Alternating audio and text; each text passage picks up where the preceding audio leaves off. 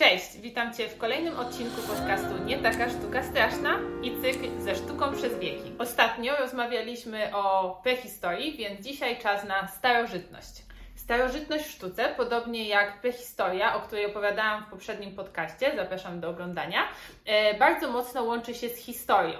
E, I bardzo mocno ta historia wpływa na to, jak e, sztuka była w tamtym czasie tworzona. Natomiast im dalej będziemy odkrywać kolejne gatunki w sztuce, zobaczycie, że ta sztuka będzie, za, będzie powoli rozmijała się z historią i będzie trochę tworzyła swoją własną historię. I zaczynając od historii, jeśli chodzi o starożytną sztukę, to starożytność to był taki moment, kiedy ludzie zdecydowali, że w sumie fajnie by było jednak siedzieć w jednym miejscu i mieć jakieś swoje mieszkanie, dom, żeby nie trzeba było się ciągle przemieszczać.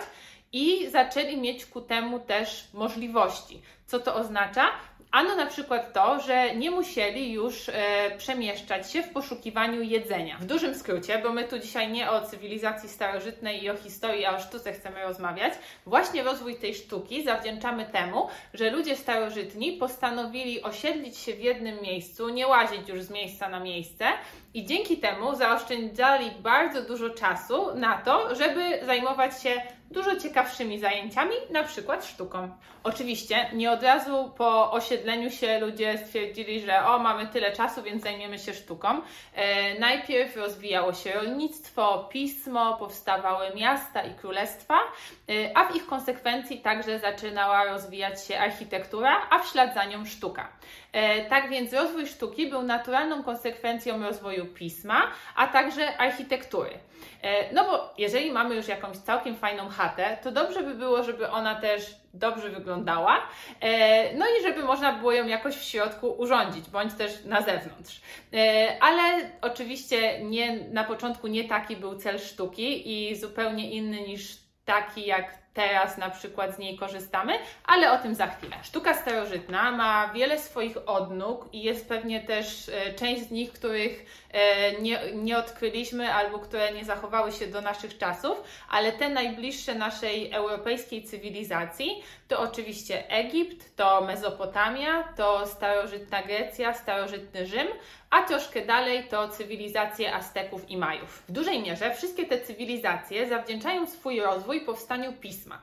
Bo jeżeli spojrzymy na pismo taką bardziej otwartą głową, to litery, zdania czy słowa są właśnie swego rodzaju rysunkami, które pozwalały ludziom na przekazywanie ich myśli. A jeżeli spojrzymy już stricte na właśnie pismo starożytne, e, to widzimy, że de facto słowa poszczególne były rysunkami.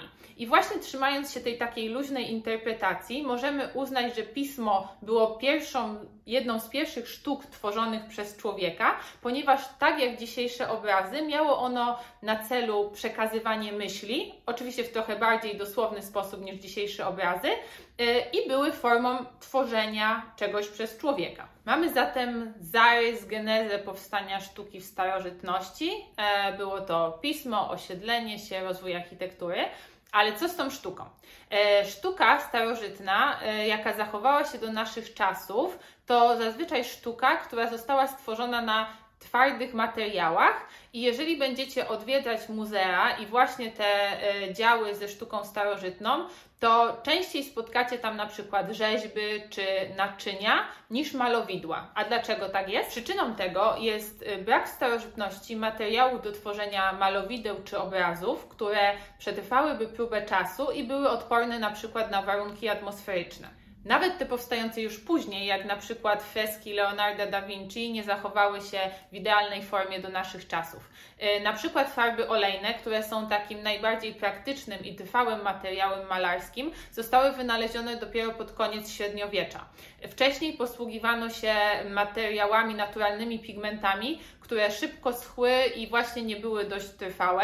Dlatego na przykład piramidy w Egipcie, które na pewno kojarzycie, e, aktualnie zlewają się właściwie z piaskami pustyni, a wiemy z badań archeologicznych, że były one bardzo bogato zdobione, malowane na różne kolory, przedstawiały te rysunki znajdujące się na piramidach sceny z życia faraonów czy też bogów egipskich. wszystkich No a niestety dzisiaj e, nie mamy okazji tego wszystkiego oglądać ze względu na brak trwałości używanych wówczas materiałów. Szybka przerwa i prośba o komentarze. Dawajcie koniecznie znać, o czym chcielibyście posłuchać w podcastach o sztuce, co Was interesuje, e, co jest na przykład dla Was trudniejsze i niezrozumiałe. Wtedy spróbuję się w to zagłębić i przeanalizować to wspólnie z Wami.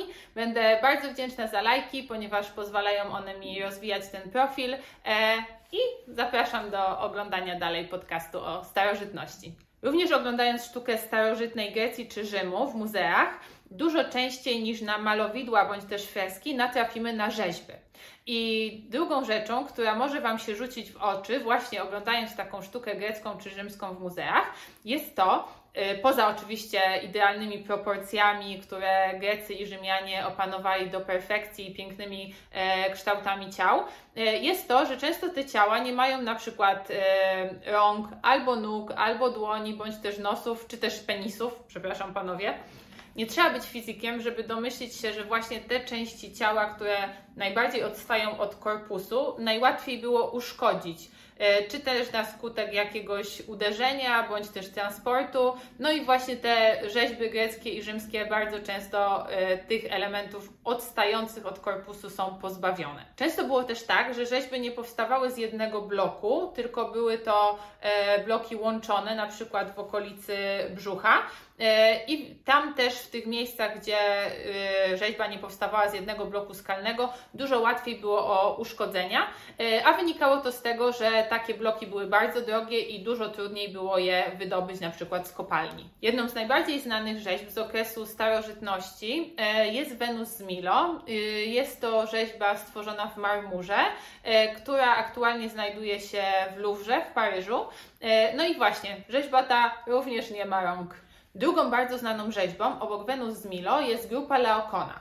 Jest to rzeźba, która znajduje się w Muzeum Watykańskim, w Watykanie właśnie e, i jest to przykład rekonstrukcji rzeźby ze starożytności, ponieważ została ona odnaleziona w kawałkach i e, rzeźbiarze po prostu dorobili brakujące elementy, e, analizując również badania archeologiczne i starając się odtworzyć to, jak ona wyglądała w momencie, kiedy została stworzona pewnymi przesunięciami i modyfikacjami tej rzeźby, ale dzięki temu możemy ją e, zobaczyć praktycznie w takim kształcie, jak została stworzona w starożytności. Więc to nie jest tak, że starożytni Grecy czy Rzymianie upodobali sobie tworzenie rzeźb bez e, rąk, nóg czy penisów, ale po prostu w trakcie e, wielu lat ich często tułaczki po świecie, te kończyny, te części ciała odpadały.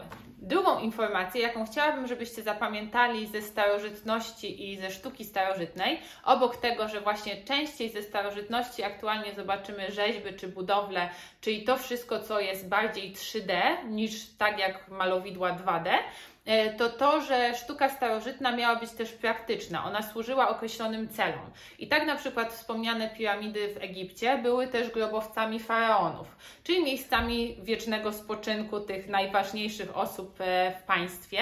E, bardzo dużo tworzono też e, przedmiotów użytku codziennego, czyli na przykład was, mis, oczywiście używanych raczej przez te wyższe warstwy społeczne, e, czy też wspomniane już rzeźby, głównie przedstawiały bogów, boginie, zwierzęta, czy też przyrodę.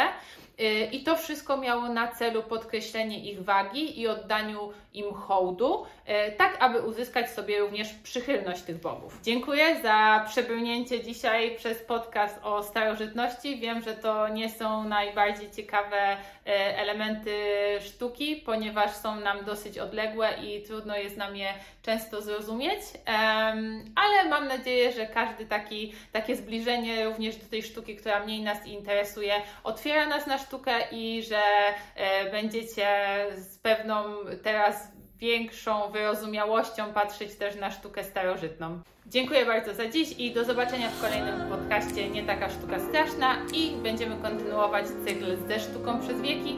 Tym razem zmierzymy się ze średniowieczem.